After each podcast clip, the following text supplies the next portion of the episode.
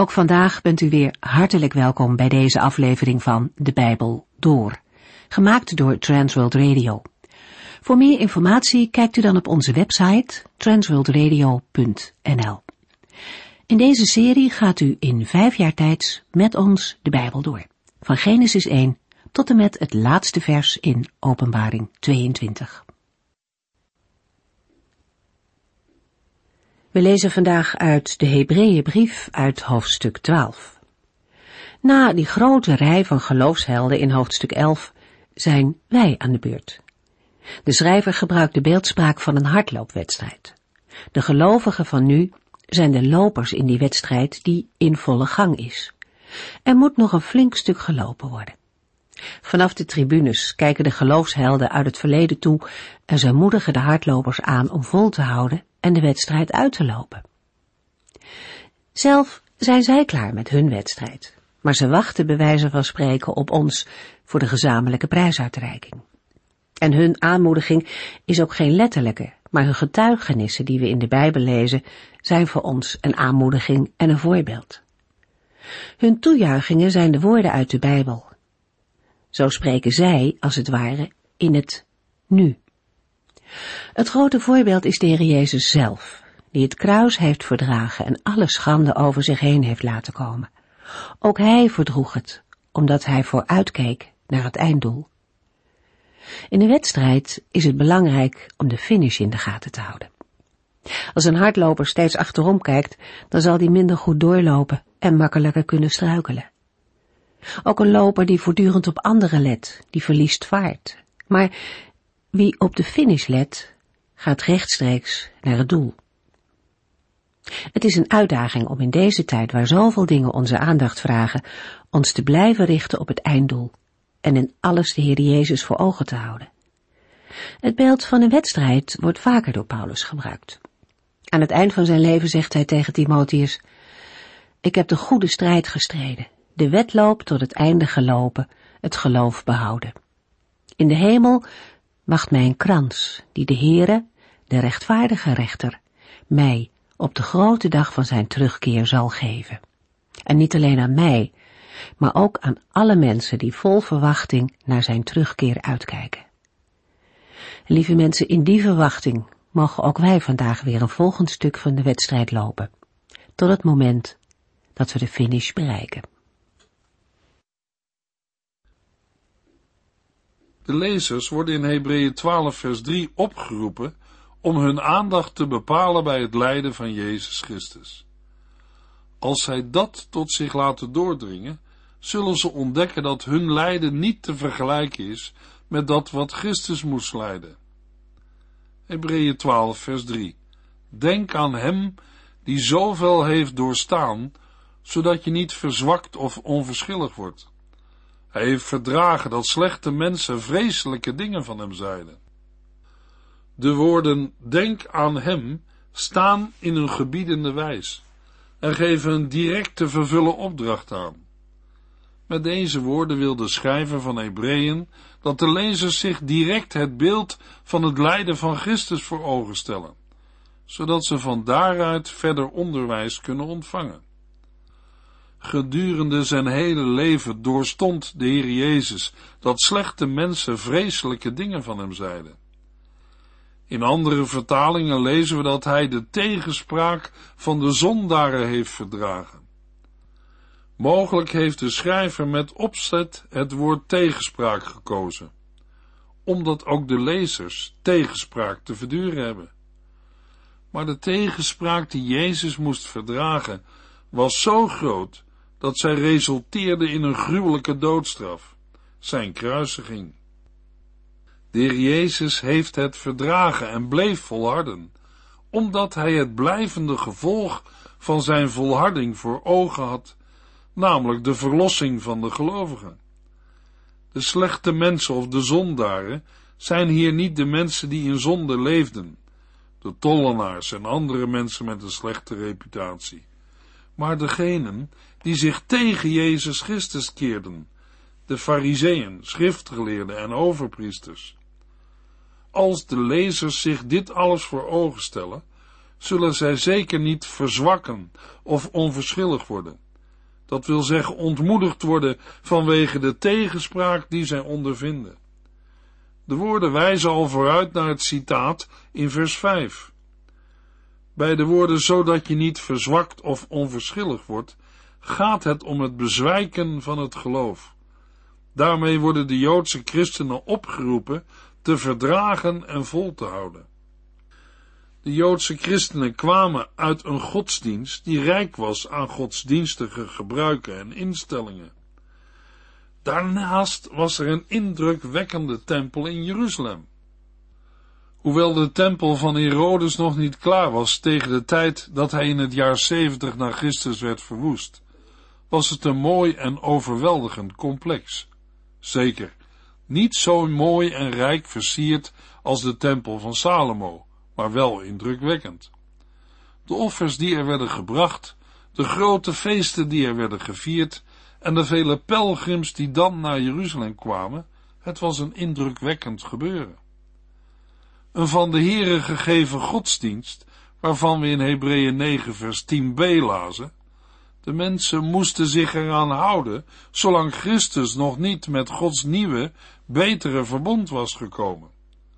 Maar nu was Christus gekomen, met Gods nieuwe en betere verbond. Nu moeten de Joodse christenen, als ook de christenen van niet-Joodse afkomst, blijven kijken naar Jezus, die ons de weg wijst. Hij is het doel van ons geloof. Al de dingen van het oude verbond zijn in Christus vervuld.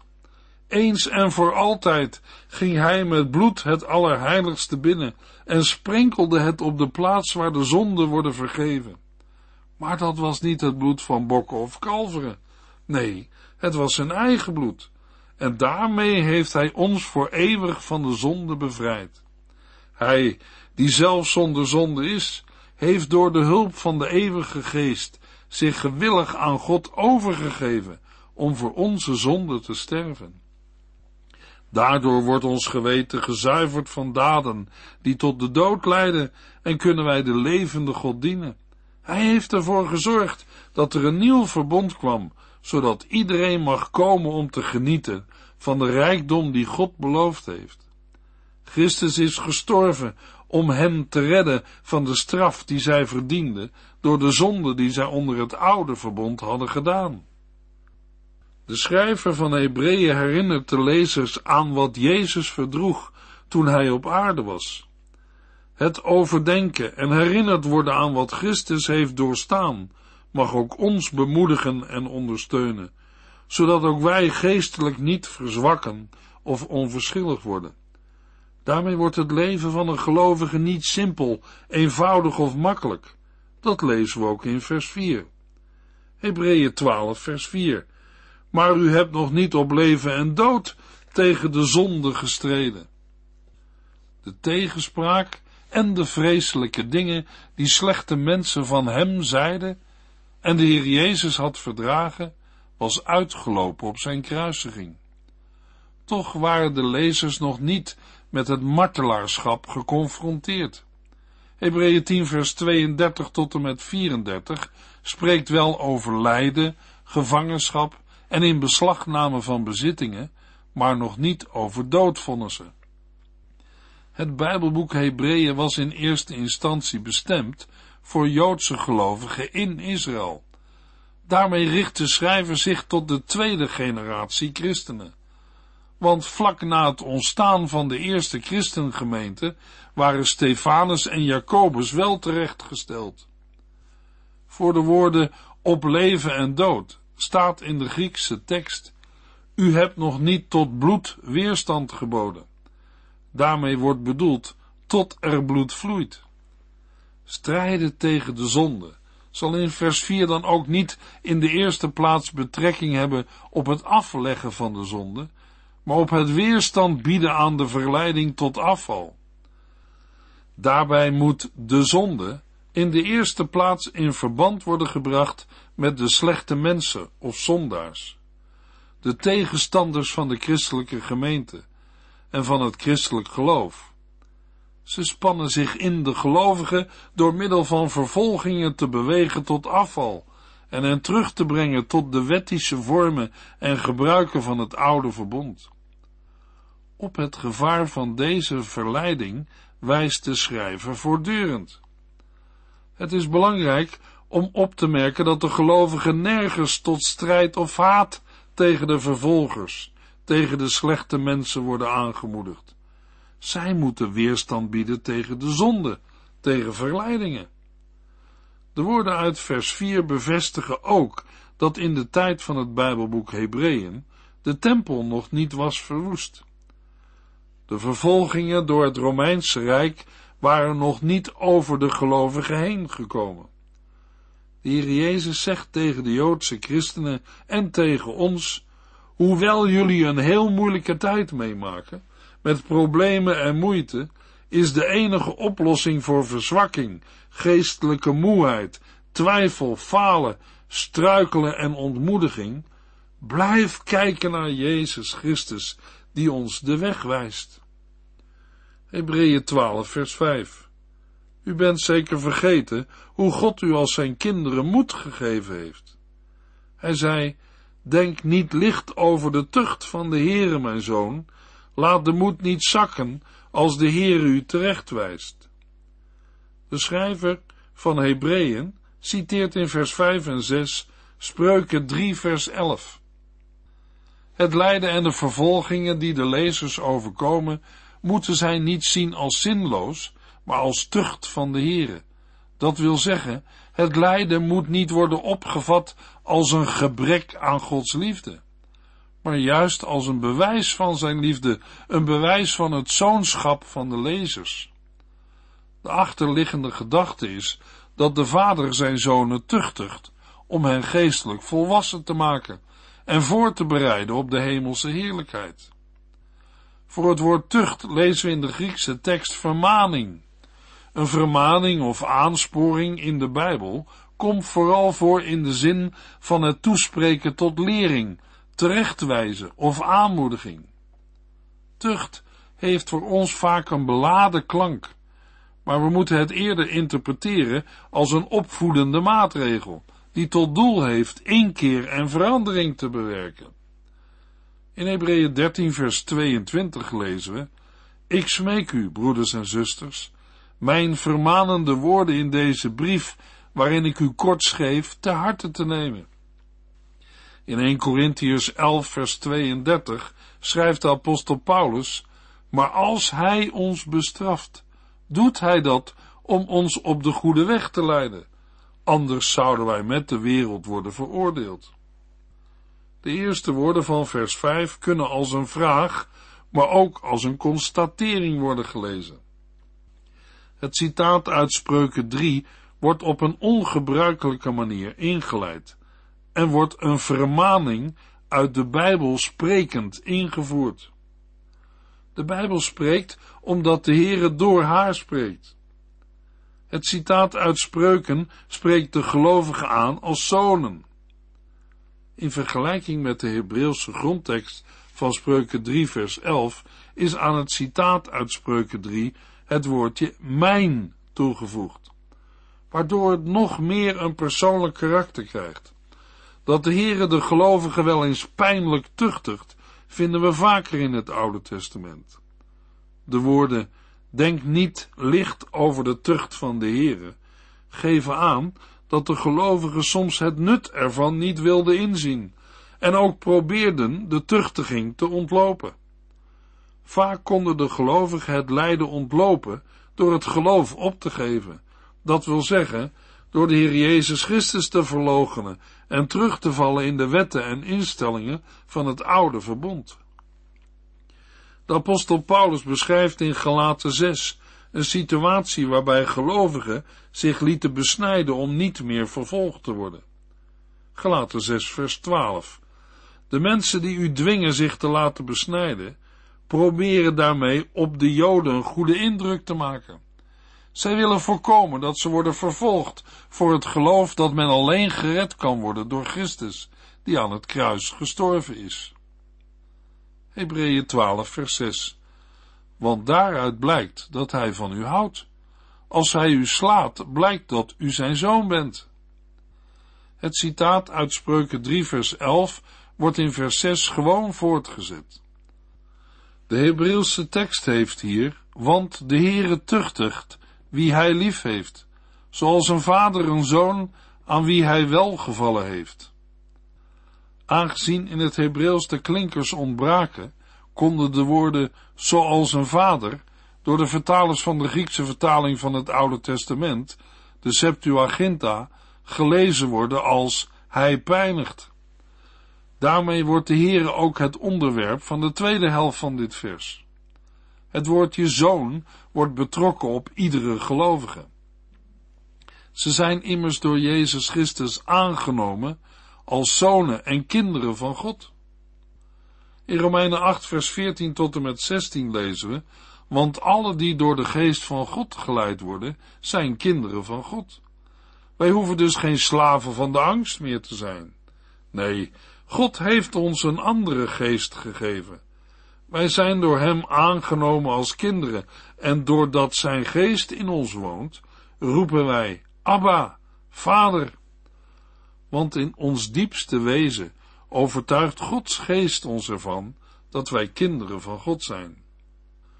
Dat tucht of tuchtiging een belangrijk onderdeel vormt van een goede opvoeding, wordt vooral in het Bijbelboek Spreuken naar voren gebracht. Evenals de gedachte dat ook een volwassene af en toe een stevige terechtwijzing nodig heeft. Treffend zijn in dit verband de woorden uit Spreuken 20, vers 30, waar we lezen: Alleen zware straffen kunnen een boosdoener zuiveren. Alleen slagen die hem diep treffen, kunnen zijn innerlijk veranderen. Hebreeën 12, vers 7. Laat u door God opvoeden. Hij behandelt u als zijn kinderen. Als de tucht of het lijden wordt opgevat als opvoeding van de Heere, dan kan de gelovige juist in het lijden een bewijs zien dat God hem als kind, zoon of dochter heeft aangenomen.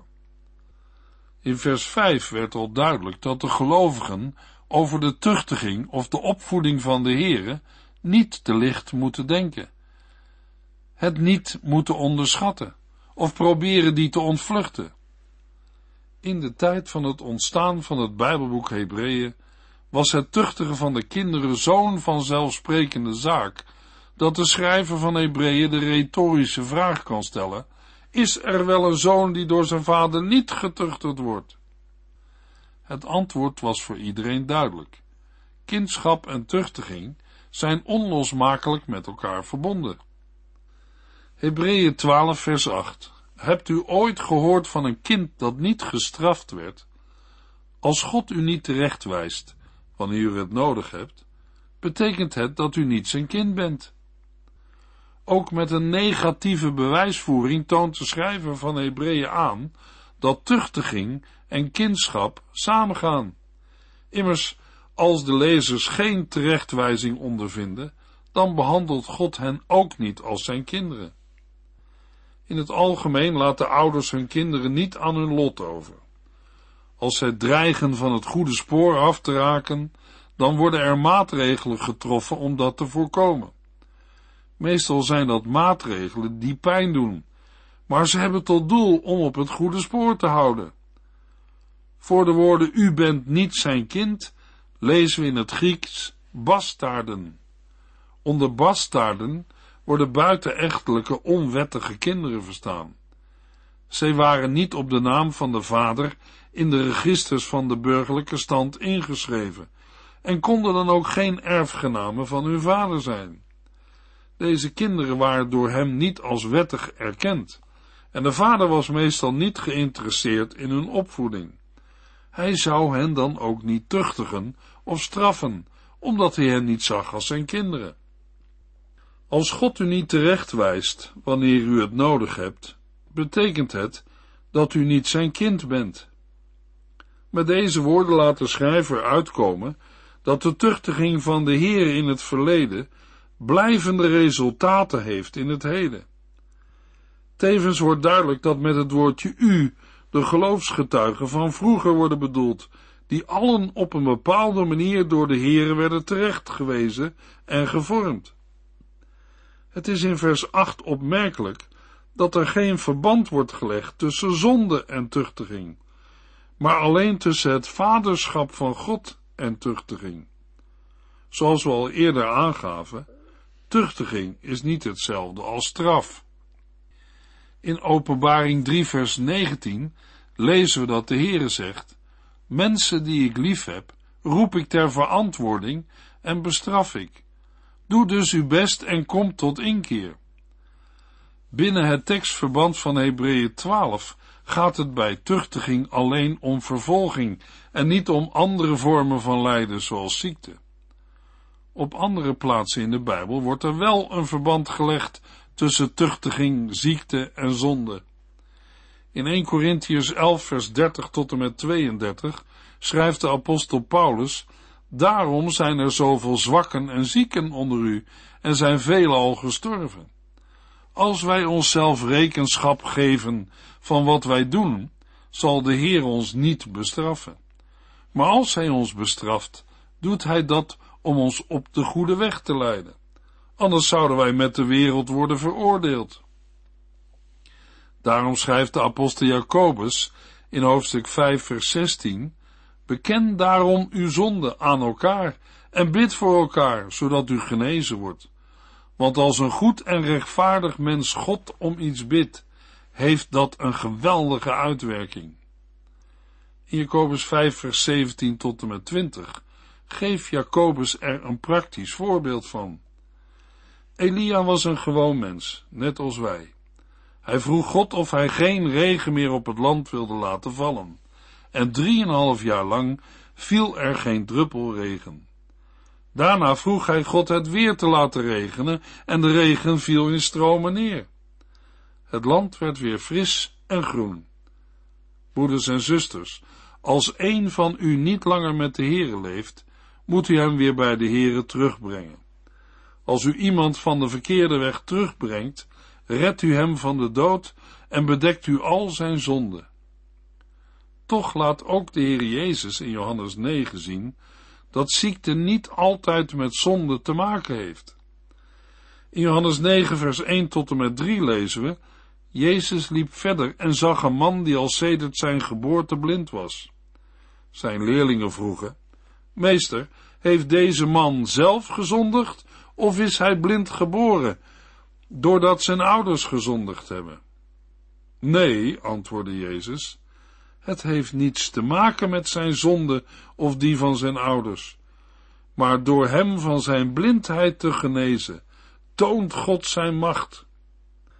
Het is een geweldig voorrecht dat wij de Heere mogen bidden om genezing. Immers, de levende God heeft daarbij het laatste woord. Wil hij zijn macht tonen, of is zijn antwoord, mijn genade is voor u genoeg? Dit laatste antwoord kreeg de apostel Paulus als antwoord op zijn gebed om genezing. In 2 Corinthians 12 vers 7 tot en met 10 vertelt Paulus erover. De openbaringen die God mij heeft gegeven zijn werkelijk buitengewoon.